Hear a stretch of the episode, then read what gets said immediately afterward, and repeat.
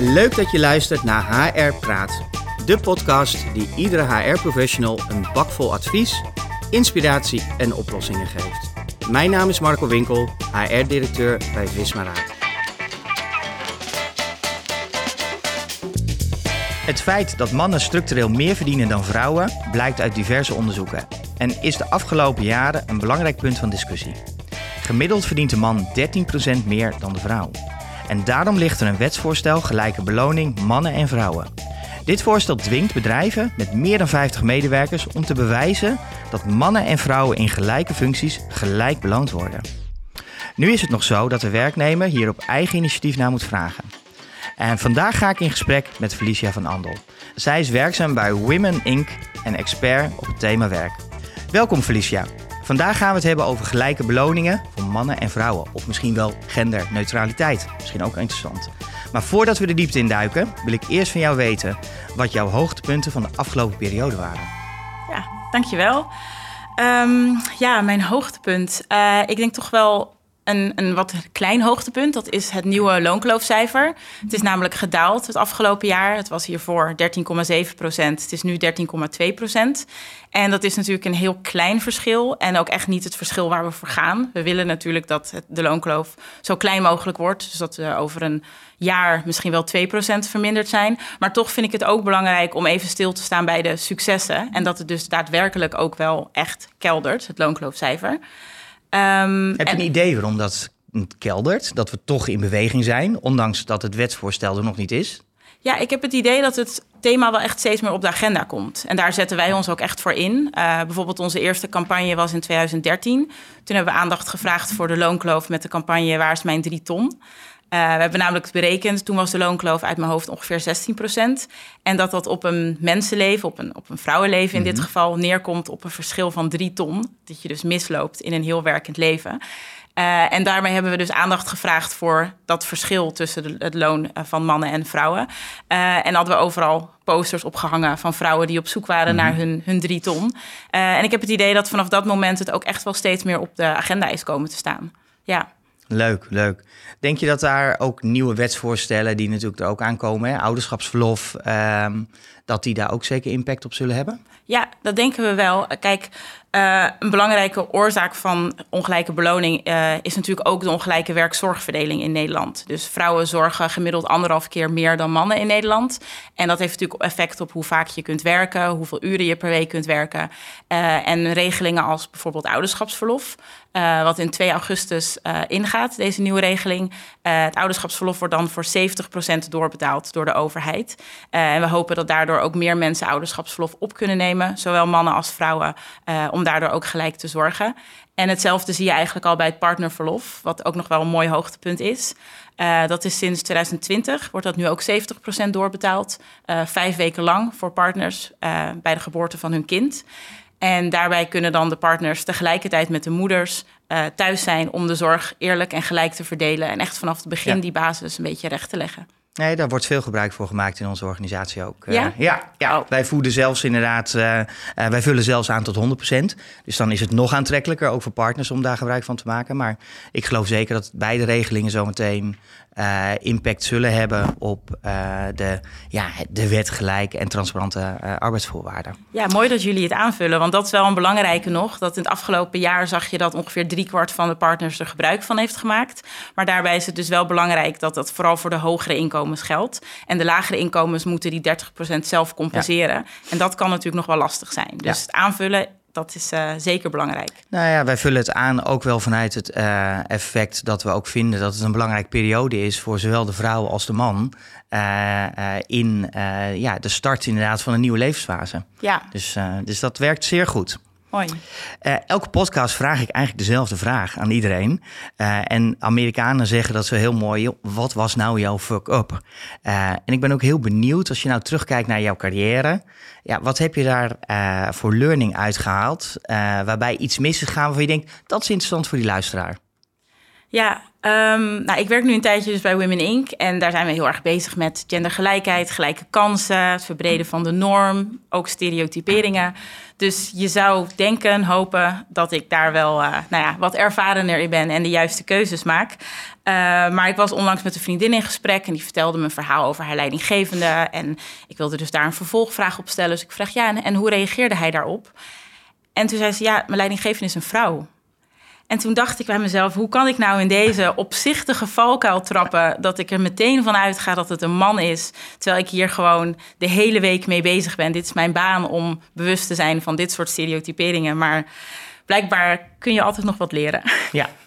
Nee, dat zijn inderdaad de onderbewuste vooroordelen... die uh, snel invulling krijgen daarin. Ja. Dus dat... Uh, nou, dat is ook wel goed, hè? Want dan blijf je leren. Ja, ik troost me ermee dat ik het dan wel ook direct teruggekoppeld krijg en dat ik daar dus wel bewust van ben. Dus dat het uh, in ieder geval een thema is waar ik toch nog wel op aansta. Ja, nou, dat kan me heel goed voorstellen. Goed teken, goed teken. Um, wij voeren veel benchmarken uit. Um, en onlangs hebben wij een onderzoek uitgevoerd rondom die loonkloven. Uh, daar blijkt uit dat veel uh, Nederlandse werknemers het gevoel hebben dat bij werkgever beloningen toch wel ongelijk verdeeld zijn tussen mannen en vrouwen. En ruim een kwart, en dat is best veel vind ik, uh, denkt dat binnen hun eigen organisatie mannen in dezelfde functie meer salaris krijgen dan vrouwen. Maar terwijl vrouwen zelfs denken, uh, en vermoeden dat zij vaker dan mannen uh, 23% inderdaad onderbetaald worden. Uh, waar komt toch die minderwaardigheid vandaan? Waar komt dat gevoel vandaan? Hebben jullie daar een idee over? Het is wel een, een, groot verschil inderdaad. Ik denk dat het voor werknemers heel lastig is om te achterhalen wat loonverschillen zijn binnen een organisatie. De meeste werkgevers zijn er niet transparant over. Dus daardoor blijft het toch iets waar je over gokt en waarbij je op je gevoel uh, afgaat. Uh, en het is ook een thema waar werknemers niet makkelijk met elkaar over praten. Ook zelfs familie en vrienden praten niet vaak over salaris. Dus ik denk dat daar wel zo'n gevoel heerst waar je alleen maar afgaat op wat je misschien in het nieuws hoort of wat je om je heen uh, voor gevoel krijgt. Uh, en wat wij ook hebben gezien, dat bij werkgevers ongeveer 75% van de werkgevers denkt dat ze gelijk belonen. Maar als daar dus onderzoek wordt gedaan, echt in hun organisatie, zie je dat er toch wel sprake is van ongelijke beloning. Dus ik vind het wel interessant om te horen dat werknemers juist denken, zit niet helemaal goed, maar dat werkgevers denken, dat zit wel goed. Ja.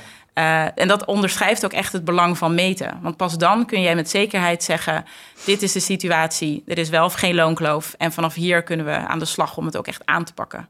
Ik zou ook zeggen vanuit HR, we hebben een salarishuis, dus we zijn klaar. Maar dan zijn we dus er, zijn we er eigenlijk niet. Nee, dat is wel ook inderdaad zo'n valkuil. Er gebeurt natuurlijk heel veel in een organisatie. Al is het maar bijvoorbeeld instroom en uitstroom, waardoor er uh, toch ontwikkelingen zijn in de organisatie.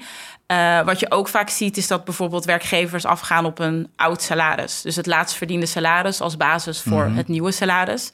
Maar het is niet gezegd dat uh, de vorige baan die iemand had, dat die hetzelfde is als de nieuwe baan. Of dat daar dezelfde vaardigheden voor nodig zijn. Dus daar kan bijvoorbeeld ook al ongelijkheid insluipen. Uh, maar het kan ook zijn bij promoties. Wie maakt er bijvoorbeeld kans op een promotie? Uh, hoe heb je dat geregeld? Dat is een, een baan die vaak meer verdient. Maar is dat bijvoorbeeld mogelijk om in voltijd te doen? Zo'n leidinggevende ja. functie.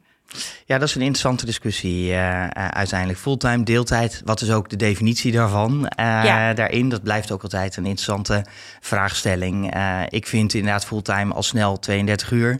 Maar de definitie volgens CBS is toch echt inderdaad 36 uur ja, daarin. Klopt. Dus dat, dat zie je zeker terugkomen.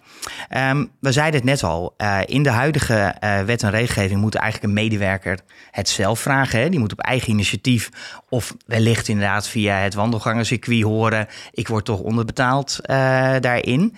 Dat blijft toch wel een heikel puntje, merk ik. Um, want één op de drie medewerkers durft dat eigenlijk niet aan te geven. Al helemaal niet bij zijn werkgever of manager uh, daarin. Die confrontatie natuurlijk niet aan te gaan. Uh, om daarachter te komen wat ze nou echt willen verdienen. En wat vind jij van dat wetsvoorstel? Dat bedrijven met meer dan 50 medewerkers eigenlijk dwingt om gewoon transparant in te zijn? Ja, heel goed. Ik denk dat het ook belangrijk is om die verantwoordelijkheid niet bij werknemers neer te leggen. Dat het aan een werknemer is om dit te achterhalen, te onderzoeken. Maar om dat juist bij werkgevers neer te leggen. Want zij zijn degene die de salarissen bepalen, die het beleid bepalen. En die ook echt die verantwoordelijkheid dragen om te zorgen voor gelijke beloning. Dus ik, ik denk dat het heel goed is dat zo'n wetgeving uh, ervoor zorgt dat zij ook echt wat meer gedwongen worden om hier open over te zijn in hun organisatie. Ja, Zeker, dus dat hoop ik ook. Nou gaf je net aan, wat ik ook best lastig vind en best wel een eye-opener is. Uh, ik roep overal in de organisatie, laten we inderdaad ons talent behouden. Um, maar ja, jij zag net ook aan, doorstroming zorgt toch vaak voor ongelijkheid.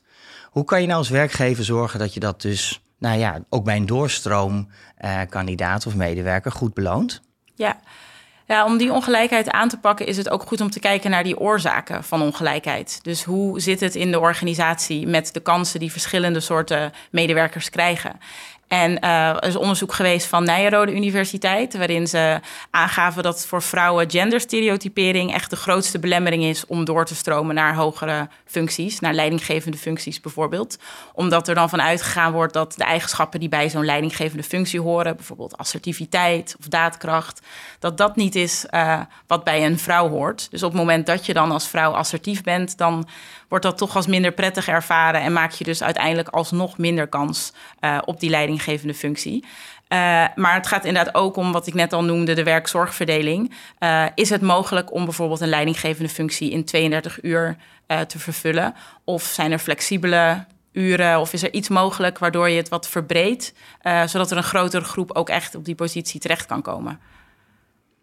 Hoe zou jij organisaties, um, en ik weet het eigenlijk het antwoord al, dus dat is een hm. beetje inderdaad flauw, want we hebben vorige week zelf uh, uiteindelijk die workshop gehad. Het start eigenlijk bij recruitment, bij het schrijven van die facturentekst. Ja. Wat kan je onze luisteraars meegeven daarover? Want ja, ook daar zitten vaak de biases in.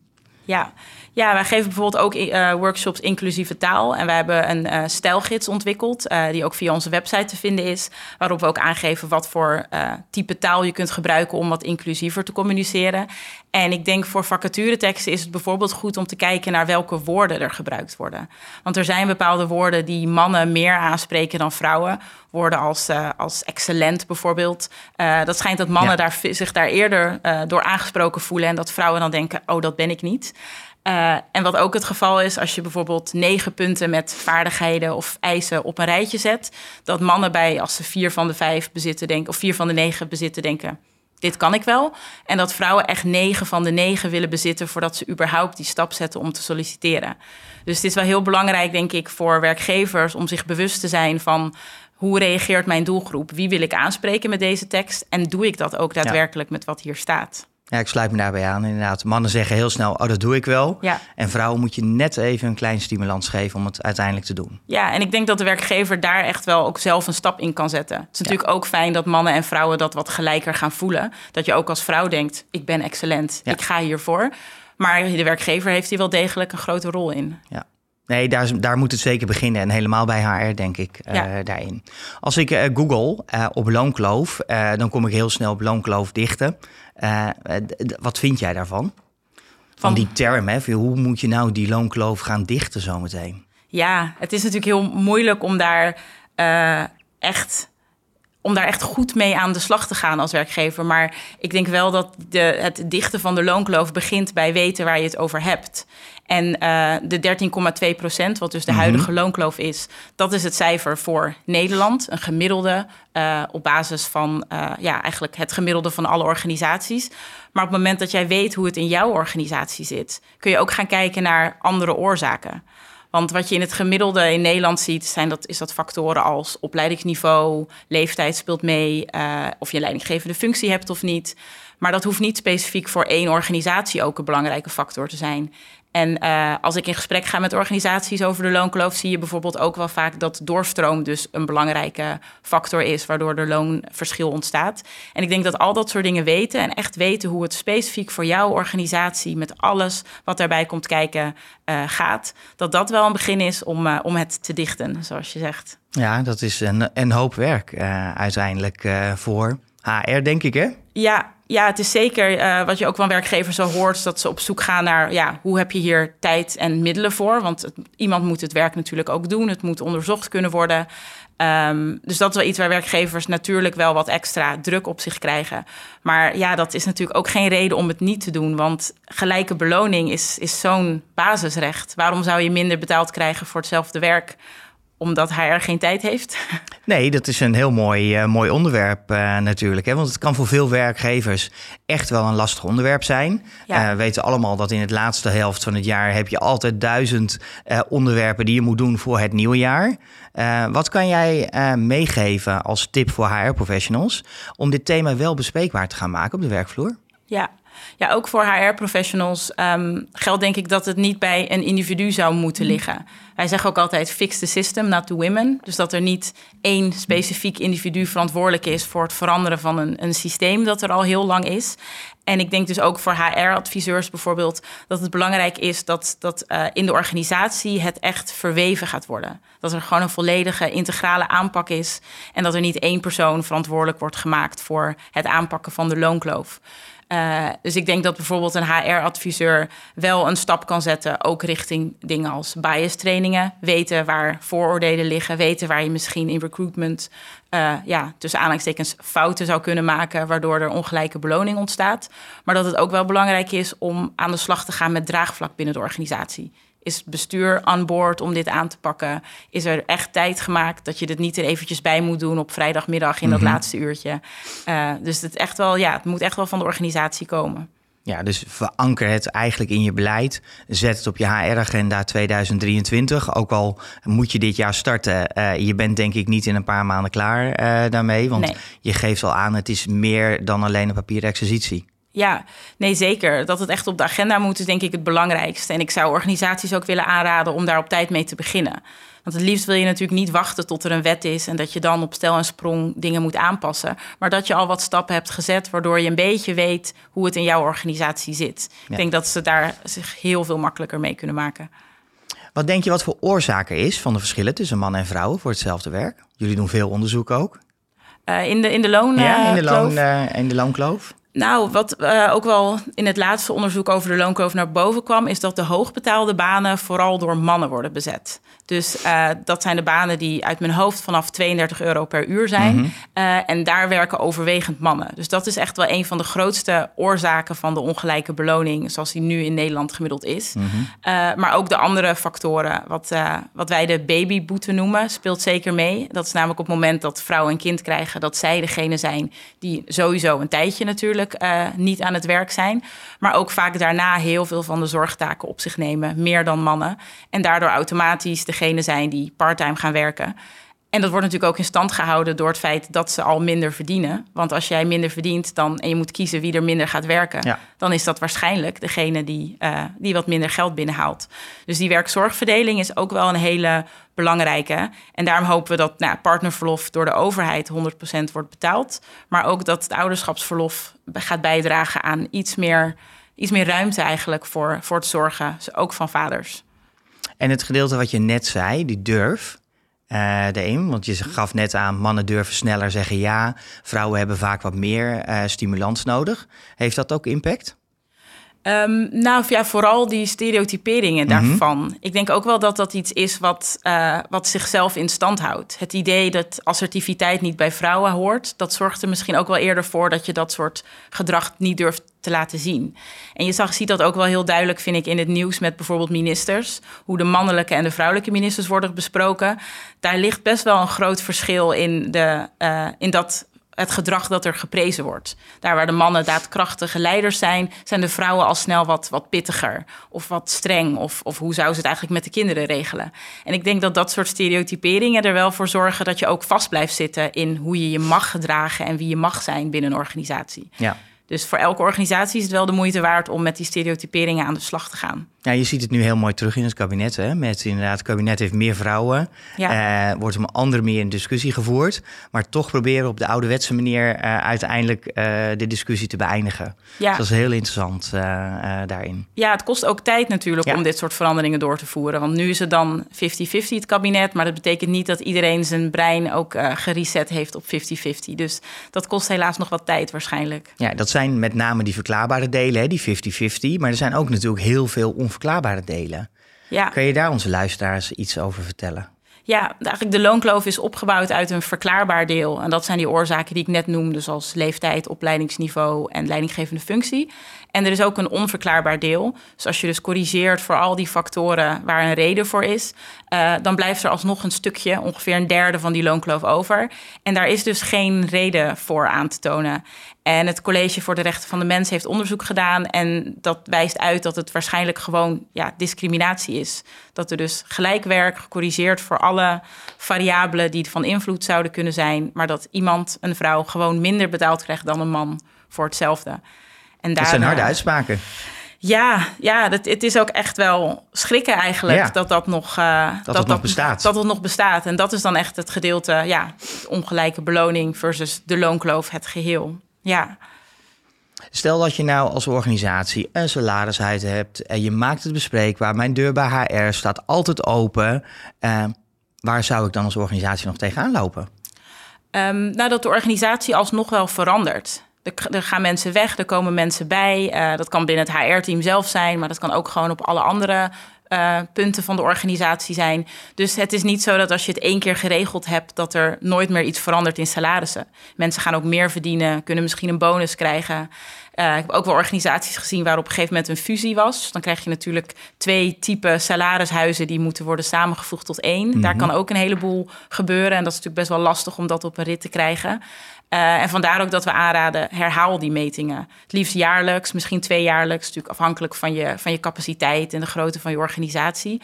Maar het is wel belangrijk om te blijven monitoren wat er gebeurt. En ook om te zien of de, uh, de maatregelen die je treft, of die ook effect hebben. En wat voor effect. Ja, met name dat laatste. Hè?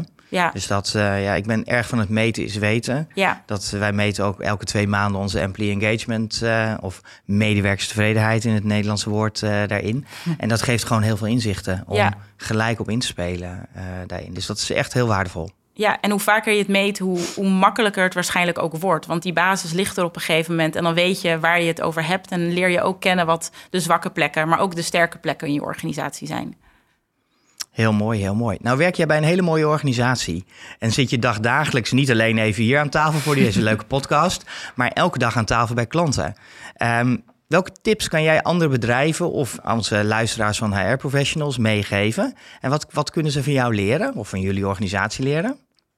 Nou, wat ik een mooi inzicht vind van andere werkgevers. Um, wij hebben een project Gelijke Beloning, uh, waarin we dus werkgevers willen stimuleren om onderzoek te gaan doen. Uh, en op Equal Pay Day dit jaar, op 14 november, presenteren we de resultaten van dit onderzoek en dit project. Uh, en daarvoor Onthoud die dus, hè? Ja. Equal Pay Day, een belangrijke datum dit jaar op je HR-kalender. Zeker, 14 november, schrijf het zeker op. Um, en het mooie inzicht daarvan vind ik, uh, dit zijn dus voorlopers, werkgevers die willen aantonen, wij gaan dit gewoon doen en uh, dit is wat wij ervan leren. En eigenlijk geven ze allemaal aan dat het niet zo eng was achteraf gezien. En dat ze ook blij zijn dat ze nu weten hoe het zit. Ongeacht welk percentage eruit komt, nu weten ze wat, wat het is. En kunnen ze er ook mee aan de slag. En zien ze soms dat ze bijvoorbeeld geen loonkloof hebben, maar nog wel met een ander thema aan de slag kunnen. Dus vooral het, het gewoon doen en daar niet al te, al te bang voor zijn voor wat eruit komt en wat je dan moet doen, maar gewoon aan de slag gaan. Je zei net al, fix the system, uh, not the woman. Wie is de eigenaar van dit proces? Is dat een, een, een managing director of is dat toch stiekem wel HR? Um, nou, vaak in de praktijk zie je dat, het, dat HR natuurlijk wel wat meer uitvoerend daarin ook is. Omdat die natuurlijk bezig zijn ook met de data en de salarissen. Uh, maar het is wel heel belangrijk dat er ook draagvlak is van management of het mhm. bestuur.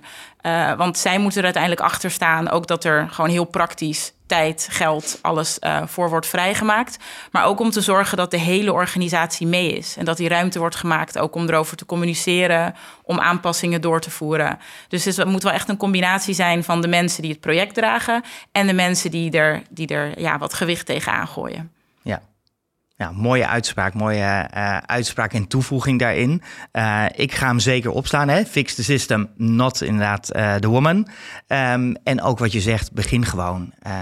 En elke stap die je zet, eh, eh, dit jaar eh, is er één. Want misschien is het inderdaad niet zo heel spannend. en heb je als organisatie toch al de meeste zaken op orde Ja. daarin. En het niet weten lost het sowieso niet op. Nee, Dus dat, daar, daar sluiten we elkaar gelijk inderdaad de handen mee aan. Dankjewel, eh Felicia. We zijn aan het einde gekomen van deze podcast. Enorm interessant. Ik heb nog wel duizenden vragen. Dus die gaan zeker nog wel komen. Maar we zijn echt gekomen aan het einde van deze aflevering. Nogmaals dank voor het interessante gesprek. graag gedaan. En wil je meer weten over de loonkloof, medewerkerstevredenheid, betrokkenheid of bevlogenheid? Ga even naar vismaraad.nl.